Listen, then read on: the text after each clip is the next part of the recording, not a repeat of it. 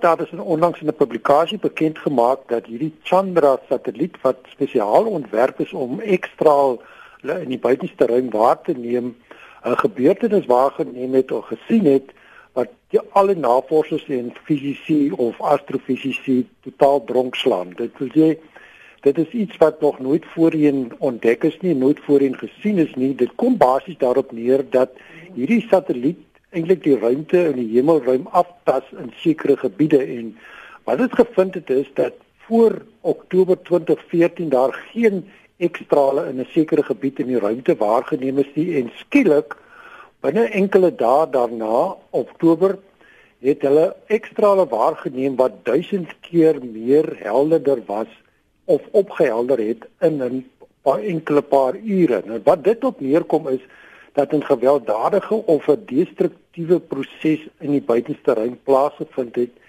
wat hierdie enorme hoeveelhede energie vrygestel het. Nou waar het dit gebeur? Die bron van die oorsprong van hierdie ekstrale is in geleë in 'n melkwegstelsel of 'n galaksie ongeveer 10.7 duisend miljoen ligjare vanaf die aarde. Nou wat ons hulle toe waargeneem het is was eintlik die vrystelling van energie wat plaasgevind het 10.7 biljoen jare gelede.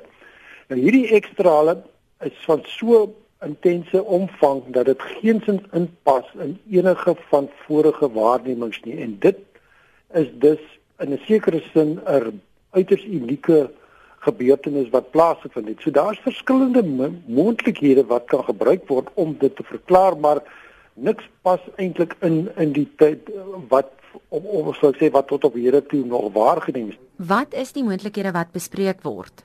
Dit kan wees dat eh, 'n uh, uiters massiewe ster ineengestort het. Dis een moontlikheid. Die ander moontlikheid is dat twee neutronsterre mekaar tromp opgeloop het en gebots het en dit wil sê een neutronster gevorm het of dit kan ook wees dat 'n gravitasiekolk 'n neutronster nader gehark het en dan om dus totaal ingesluk het en dan hierdie hoeveelheid energie uh, vrygestel het.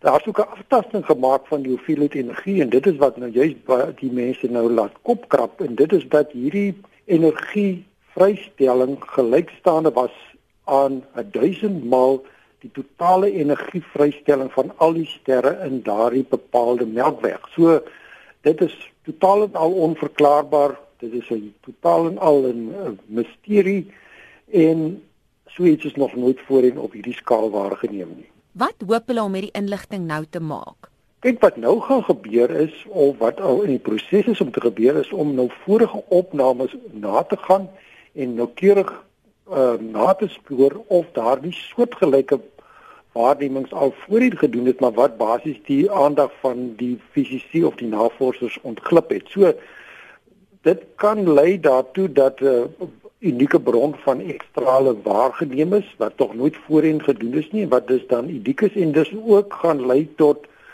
die herformulering van uh, teorieë aangaande die vernietigende prosesse wat in die uh, heelal plaasvind veral so sterre wat uh, onder hulle eie invloed in mekaar instort of dan nou prosesse waar gewelddadige botsings in die buitenste ruim plaasvind